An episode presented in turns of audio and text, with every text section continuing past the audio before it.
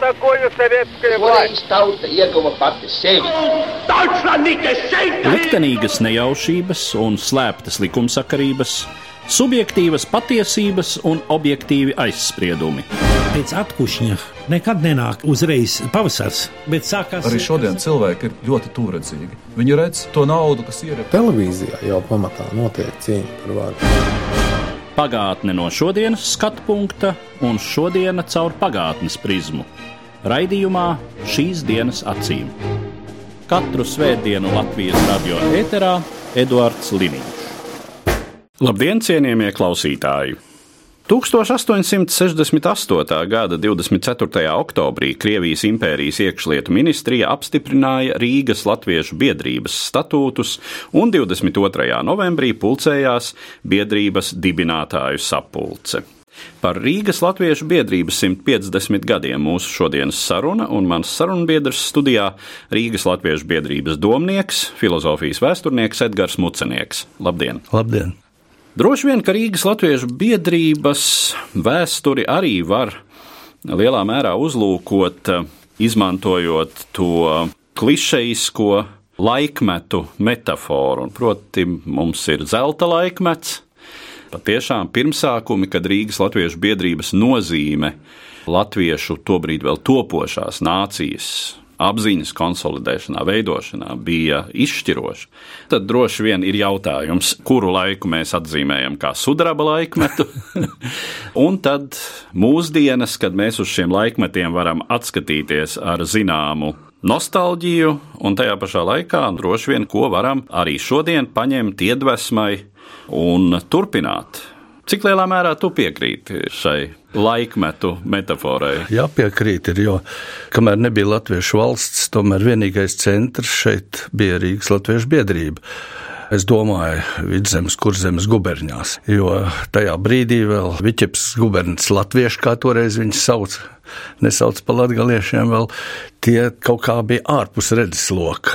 Bet jāsaka, ka tieši pateicoties arī Rīgas Latviešu biedrībai un Francim Trasunam, par tiem tika darīts zināms plašākai publikai un arī veidojot valsti. To atcerējās, tas viens būtu. Tūdaļ pēc dibināšanas tika izdarīti būtiski darbi, nu, piemēram, nodibināt teātra komisiju, pirmais latviešu teātris, gada laikā uzbūvēts nams, tajā brīdī tomēr ap Rīgas Latviešu biedrību pulcējās namsaimnieki, turīgie latvieši, kuriem piederēja kāda uzņēmuma, un viņi nežēloja naudu. Tur arī bija ierosinātāji, kā Krišāns Valdemārs, ka tā lieta ir atbalstāma, un tik tiešām īsā laikā dabūja gruntsgabalu, liktos pašā Rīgas centrā. Nē, tas bija galīgā nomalē, netālu no kapostu laukiem, tur aiz vērmaņdārs. Tā kā pašā nomalē bija tāds labs gruntsgabals iegādāts ar perspektīvu to uz izdevīgiem noteikumiem viens no biedriem pārdeva, un biedrība iegādājās, un gada laikā jau uzbūvēja savu namu. Un beig beigās to projektēja mūsu jau diplomēts arhitekts Jānis Baumans, pazīstams vārds, kurš centrā ir daudzas reprezentatīvas ēkas būvējis. Bet tā tad par zelta laikmetu pirmie gadi neizskatījās, lai gan bija nams, pulcējās, sprieda, bet arī spēcīgi strīdējās, mainījās priekšsēdētāji ik pēc gada. Tur vairāk tie bija gan Rihards Tomsons uzņēmējs, gan Dīriķis, kurš pārstāvēja kultūras cilvēks. Bet pretī bija turīgie, kuri deva naudu, kuri pasūtīja mūziku, kā mūsdienās teikt, nu, un radās šie konflikti, kas tad beig beigās nosaka šīs lietas. Un es gribētu teikt, ka īsti to pa zelta laikmetu es nosauktu tad, kad par Rīgas Latviešu biedrības priekšnieku kļuva Krišāns Kalniņš. Tas ir 70. gados, 19. gadsimtā, un praktiski desmit gadu laikā tika sakārtot visa saimniecība katrai nodaļai, komisijai, kā toreiz sauc, tātad tika izdoti kārtības ruļļi, statūti perfekti noformēti un tā tālāk. Nu, par šo spēju pastāvēt un būt tādam spēcīgam mugurkaulam liecina tas, ka pat izslēdz no biedriem vienu no gubernatoriem, kurš bija pret biedrību vērsies.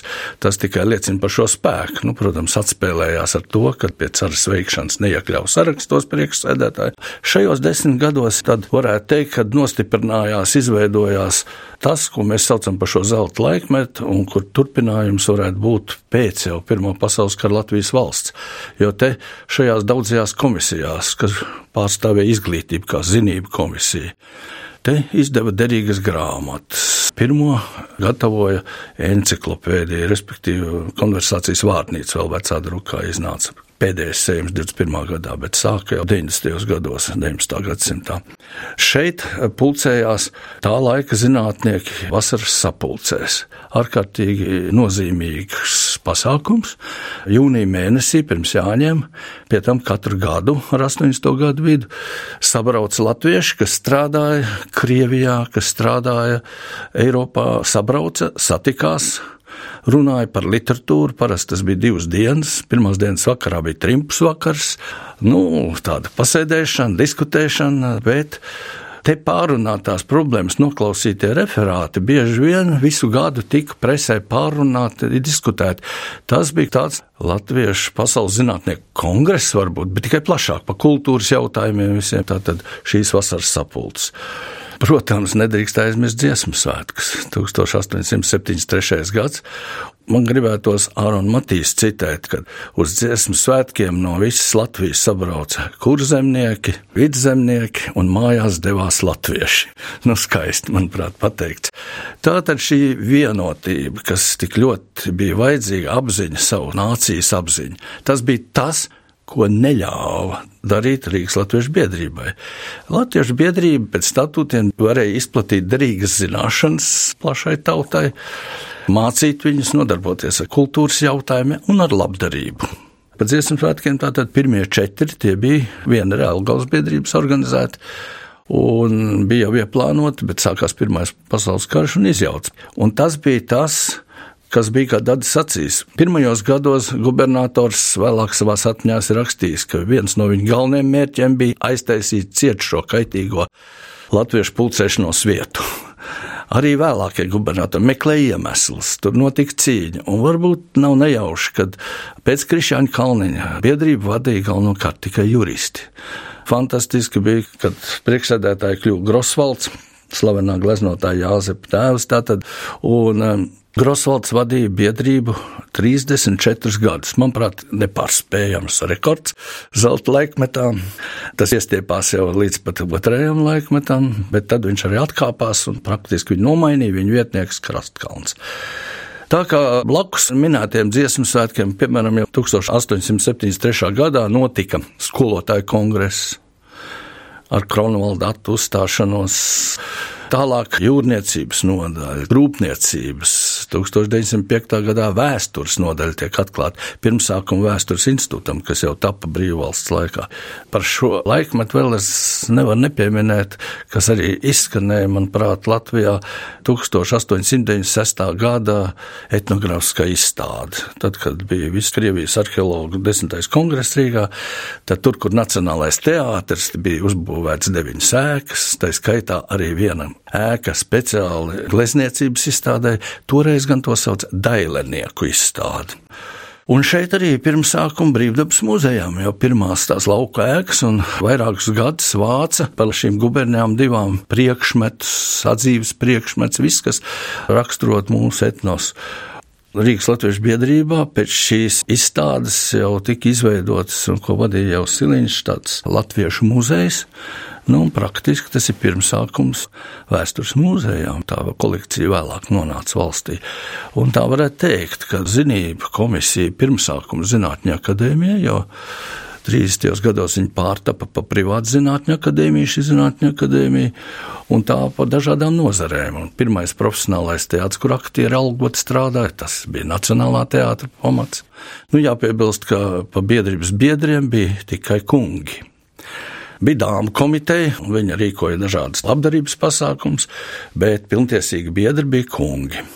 Un, protams, tā laika biedrība šajā zelta laikmetā bija izlase. Nevelti tie, kas pārdzīvoja bēgļu gaitas, Pirmo pasaules kāru, revolūciju un tā tālāk, tie kļuva par ministriem, Čakste bija gan Rīgas Latviešu biedrībā, bijis pēc tam vadīja Jelgavas Latviešu biedrību.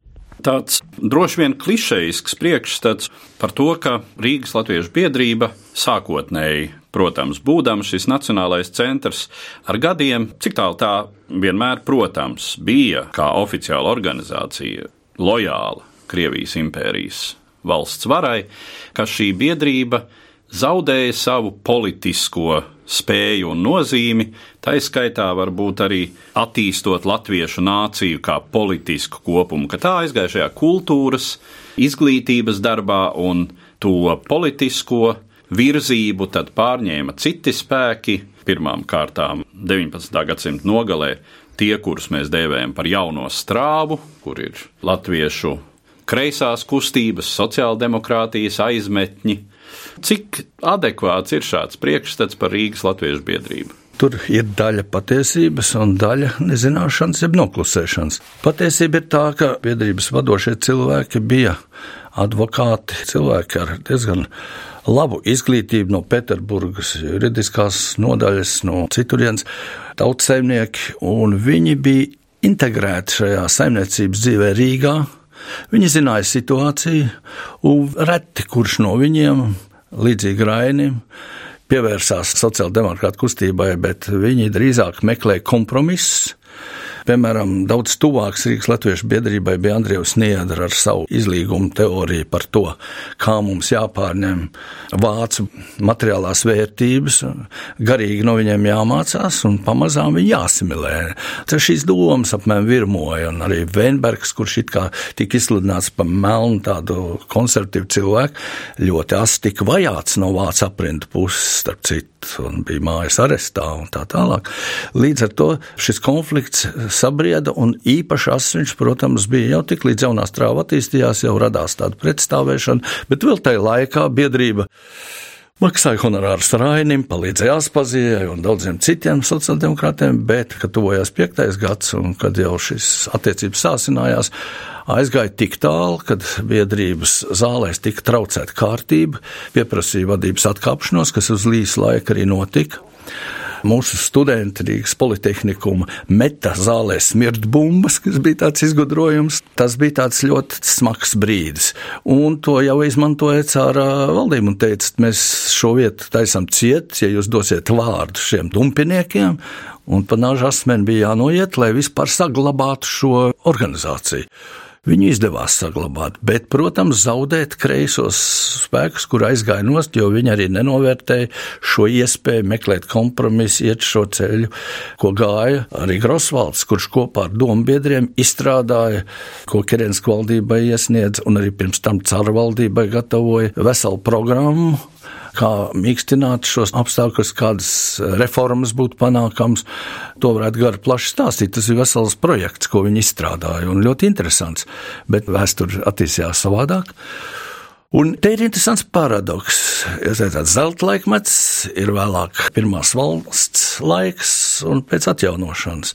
Paradoks ir tāds, ka visos šais laikos viena no prasībām no valdības, vai tā būtu cāra, vai tā būtu ulmaņa valdība, vai mūsdiena, nejaukties politikā Rīgas Latviešu biedrībai. Šī prasība ar vienu pastāvējusi.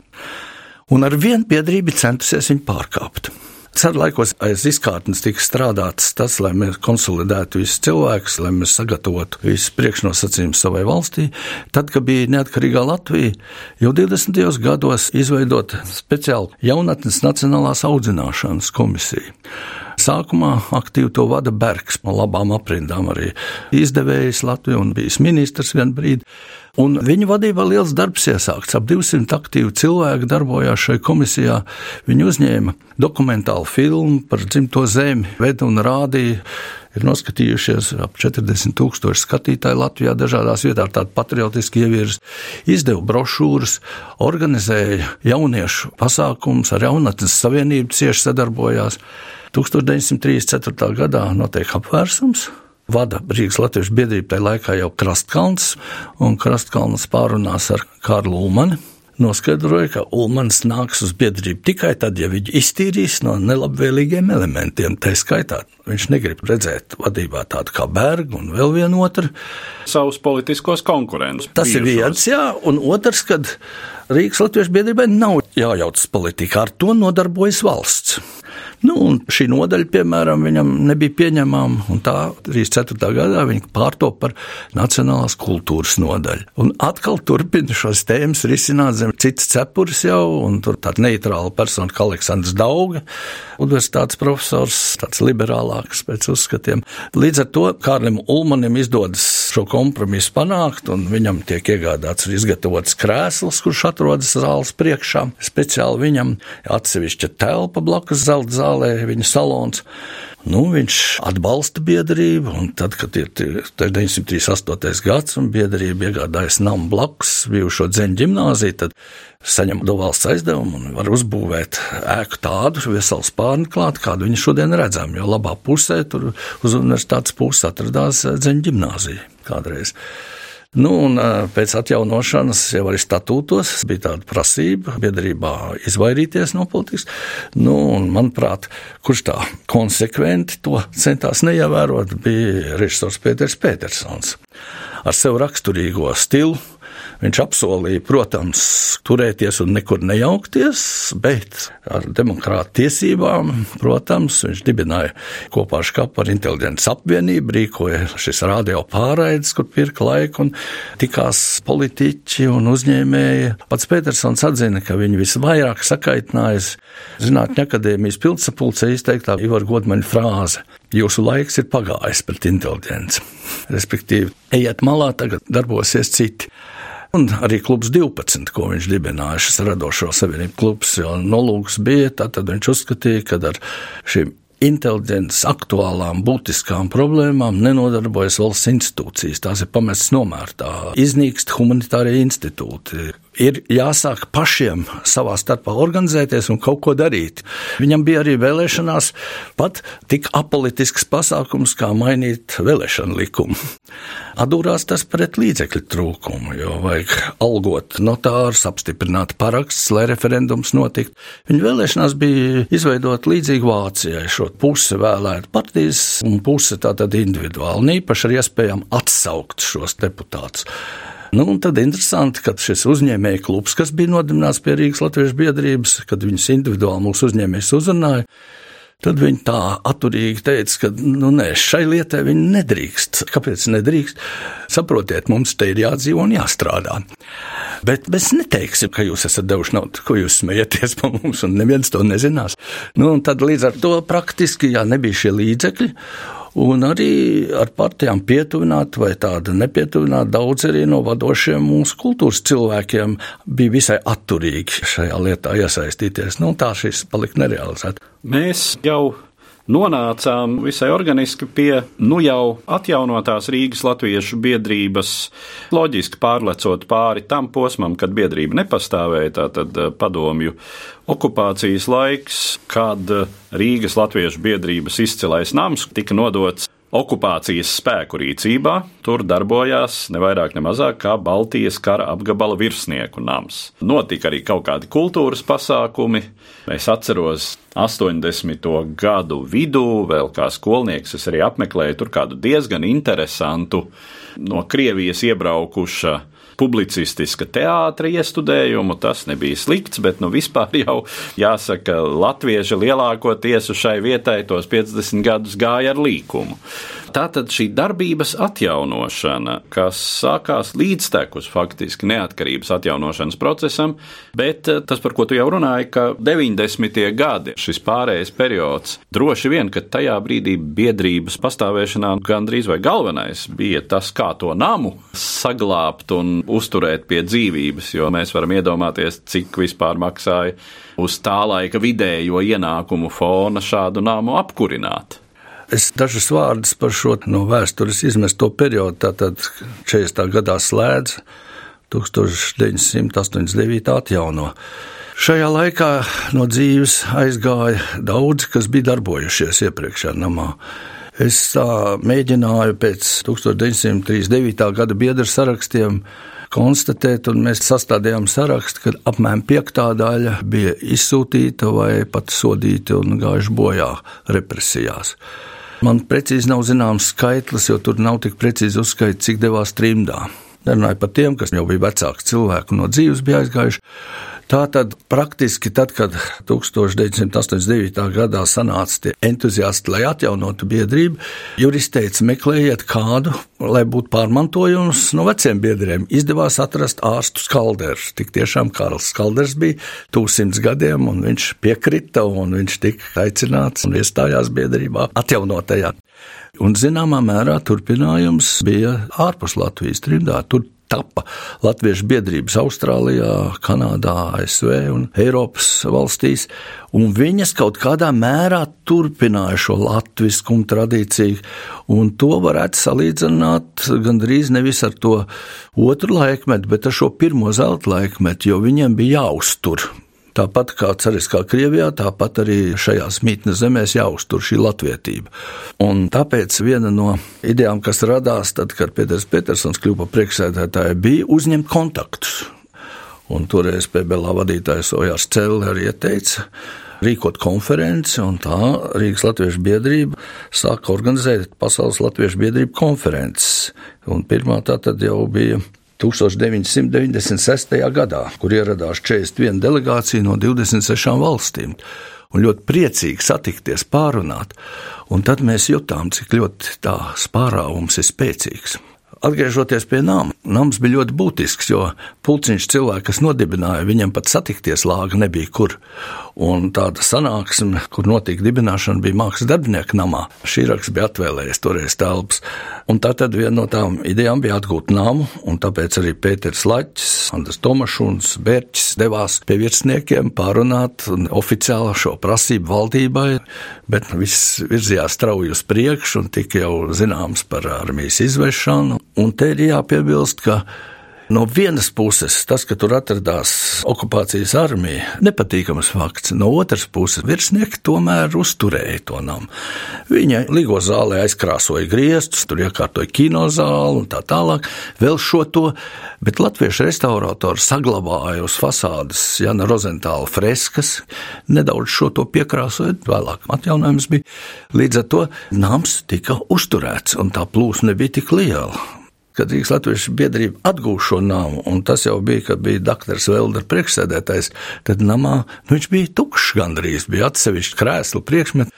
Un tad nāk cilvēki un saka, antikvariātā ir krēsla Rīgas Latviešu biedrības ģērbona. Ah, Un tad mēs pirkām otro reizi savu inventāru. Un tie nākuši bija no virsnieku ģimenēm, kas bija savā laikā ieskatījuši sev kā derīgus priekšmetus un šur tur aiznesuši kādu galdu, kādu krēslu. Iznesuši. Iznesuši, jā. Bet tālāk sekoja drusku nepatīkamākas lietas, jo tad, kad mums cienījamais arheologs Graudonis vadīja biedrību un uzņēma tādu kursu gandrīz vai kā uz pirmskara biedrību ar tādu nacionālu izteikti ievirs, tad radās opozīcija, kas teica, te ir jāsaimnieko, te ir jāierīko restorāns, tas, tas, tas, un sākās cīņa par vāru. Un tā aizgāja tik tālu, ka iejaucās pat Rīgas pašvaldība, policija slēdza nāmu.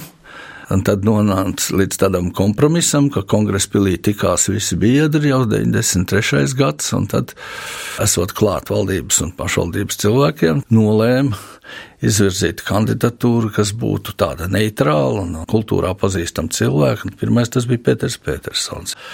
Mums paveicās, ka tik erudīts un plašām zināšanām cilvēks, kurš nāca paradoxāli, bet viņš nāca tieši no tām aprindām, kādas pārstāvēja pirmskarīgas Latviešu biedrība. Jo viņa tēvs bija bijis gan uzņēmējs, tēva mājās viesojās Rīgas galva Andersons un citi, un daudz Rīgas Latviešu biedrības runas vīri. Bet Petersons Liepājā bija bijis cietumā pie Vācu okupācijas, un līdz ar to arī viņa karjera negāja kā kroderam caur Sibīriju, bet viņš varēja turpināt darbu, iestāties kompartijā. Tātad Petersonam bija priekšstats par tām vērtībām, kādas pārstāv Rīgas Latviešu biedrība, un viņš tiešām ļoti mērķiecīgi to atjaunoja sev raksturīgā stilā, lamādams un dzīdams ārā žurnālists, kas grib kaut ko negatīvu rakstīt, bet rezultātā pēc dažiem gadiem, jau 5,5 gadu viņam bija atvēlēta tikai darboties Rīgas Latviešu biedrībā, līdz viņa pāragrai nāvei 98. gadā. Bet um, šajā laikā no tādas ēkas, kurā reti kurš nāca, jo zināja, ka tur konflikti ir un viņi bija diezgan nolaisti. Viņi pamazām atkopās un sāka ļoti daudz kas organizēties, notikt. Nu, piemēram, novaddienas. Ļoti laba ideja. Brauc no Saldas, no Jēlgavas, no Daugopils, uzstājās pašdarbības ansambļi, pārdeva savu produkciju zemnieki. Tikās un pārunāja tādas kopīgas problēmas konferencēs. Un tad tur tikās novadnieki, kas dzīvoja Rīgā. Nu, mums bija interesanti no malas ar to visu vērot, kā tas notiek. Vēlāk, kad jau Jānis Strečs vadīja biedrību, tad radās gaismas sauce. Turpināt novadienas bija grūti, jo vēl bija kāda potence, kad laukos bija šie līdzekļi tajos rajonos, bet pēc tam tie apsīk un bija grūtāk, un viņi vairs nevarēja. Nu, šis trešais posms atkal izvirza šo jautājumu, nu, kāda būs šī Rīgas Latviešu biedrība. Pēters Petersons praktiski tos ir nospraudis, tie ir atspoguļot arī mūsu statūtos. Ļoti spēcīga kultūras darbība, īpaši folkloras virziens, spēcīgs ir mūzikas komisija. Par valodu, nu tagad arī vārds, nevārds, Rīgas Latviešu biedrība organizēja valodas pasākumu. Jautājums par teātri komisiju. Te man atkal jāpiemina Petersons. Šalkons gribēja pašdarbību, un Petersons nekādā gadījumā. Te bija konflikts. Protams, Petersons bija vadītājs un pateica, kamēr viņš te būs, pašdarbības nebūs. Visos sarīkojumos tika aicināti profesionāli aktieri, bija labi mums tāda sarīkojuma. Tā līdz šim tiek svinētas teātris jubilejas, skatuves mākslinieku režisoru jubilejas, tiek tādi vakar rīkot, lasītas lūgas. Teātris komisija darbojas, sadarbojas ar teātrus muzeju, bet teātrī mēs vairs netaisām. Starp citu, interesanti, ka pirmskara Latvijā iznomāja zāli Krievu trupai. Paradoks, bet darbojās Krievijas trupa Rīgas Latvijas biedrībā. Veiksmīgi izdevās pēc Petersona agrās aiziešanas streičam vadīt arī Streičam bija interese ievest vairāk māksliniekus, rīkot izstādes, arī salonu izveidot. Bet kopumā jāsaka, ka krīze bija tad, kad visā valstī krīze. Un te var teikt, ka Rīgas Latvijas biedrība kaut kur arī atspoguļo valsti. Jo tad, kad šeit radās finanšu krīze, arī Rīgas Latvijas biedrība nenoreaģēja. Un valdes rūpnieks ar savu komandu tajā brīdī iekļuva parādos nu, kā tipiski mums cerot uz kaut ko labāku, klusi slēpjot no valdes, to noklusēt, pagāja kāds laiks. Neizdevās neko nosegt. Nāca Ingūns Čaklais un ar savu avantūrisko vērienu parādus trīskāršoja. Par laimi tas bija tikai gads, kā viņš saimniekoja, un Gunts Gailīts viņam sākumā ļoti palīdzēja kā vietnieks Aivars Magars, kurš bija tajā laikā sloks slimnīcas direktors ar sportistu tādu tvērienu. Sāka nežēlīgi taupīt. Piemēram, Rīgas Latvijas biedrības domnieks, es ierodos uz domas sēdi. Ja es būtu, teiksim, valdes loceklis kādā uzņēmumā, man par to maksātu. Bet, kad es ierodos uz sēdi, es maksāju par elektrību, par to, ka man tur apkalpo. Katru reizi mēs maksājam par katru sēdi, jo lūk, arī mums šī sanāksme telpa tie ir izdevumi biedrībai. To ir pieprasījis smagars. Nevis to saprata īpaši kultūras cilvēki. Tā kā atkal šis konflikts starp saimniecisko un starp kultūras cilvēkiem. Bet te atkal ir interesanti. Līdz 40. gadam izcilākie vadītāji bija juristi, pēc atjaunošanas režisori. Nu, Gailītam tā priekšrocība, darbs un sakari Rīgas domē, starp citu, Petersons arī bija domas deputāts, bet te gan jāpiebilst, ka Rīgas Latviešu biedrība ir visu laiku maksājusi, visus komunālus, visus nodokļus, ne no kā nav atbrīvota. Bet šī enerģiskā gailīša darbība, noslēgt līgumus ar Rīgas siltumu, ar to sadarbības, ar to ne jau tā, ka viņi atlaist, bet ar viņiem var aprunāties, kādreiz termiņus pabīdīt. Tātad, respektīvi, prasme veidot kontaktus ir ļoti mums palīdzējusi, un mēs pamazām tiekam ārā no parāda saistībām, kur mums krīzes laikā ieveda, nu, es teiktu tā kā Latvija apmēram. Un IKP Latvijai ir labāks, un mums arī šobrīd eh, visu laiku mēs strādājam ar peļņu. Protams, tas, ka šis nams jāuztur ierobežo iespējas ieguldīt kultūras darbā, ieguldīt dažādos pasākumos. Bet nu, šogad Rīgas Latviešu biedrība paspīdēja, es domāju, gan Vērmaņu dārzā, gan šī nedēļa, kas bija jubilejas nedēļa. Tur bija laicīgi plānots un projekti rakstīti un cilvēki gatavojušies. Viss balstās uz lielu cilvēku entuziasmu. Nu, diemžēl Līdz šim ir tikai daži uzņēmēji, kas ir mūsu biedrības biedri un reāli arī mums palīdz materiāli. Vēl ar vienu mums trūkst kādi, kas būvēja pirmo nāmu un, un ieguldīja milzīgas līdzekļus, bet īstenībā situācija jau arī pilnīgi cita. Mums visu laiku jāpierāda, vai mēs esam vajadzīgi un mums noderība. droši vien tad ar tādu novēlējumu, lai entuziasms saglabājas arī turpmāk, un lai atrodas gan tie, kas materiāli atbalsta, gan tie, kas atbalsta ar idejām, ar uh, savu darba pienesumu, tad mēs arī noslēdzam šīs dienas raidījumu, kas bija veltīts Rīgas Latviešu biedrībai pagātnē un šodien, un es saku paldies manam sarunbiedram, filozofijas vēsturniekam un Rīgas Latviešu biedrības domniekam Edgaram Muceniekam. Katru svētdienu Latvijas radio viens par pagātni sarunājas Eduards Līniņš.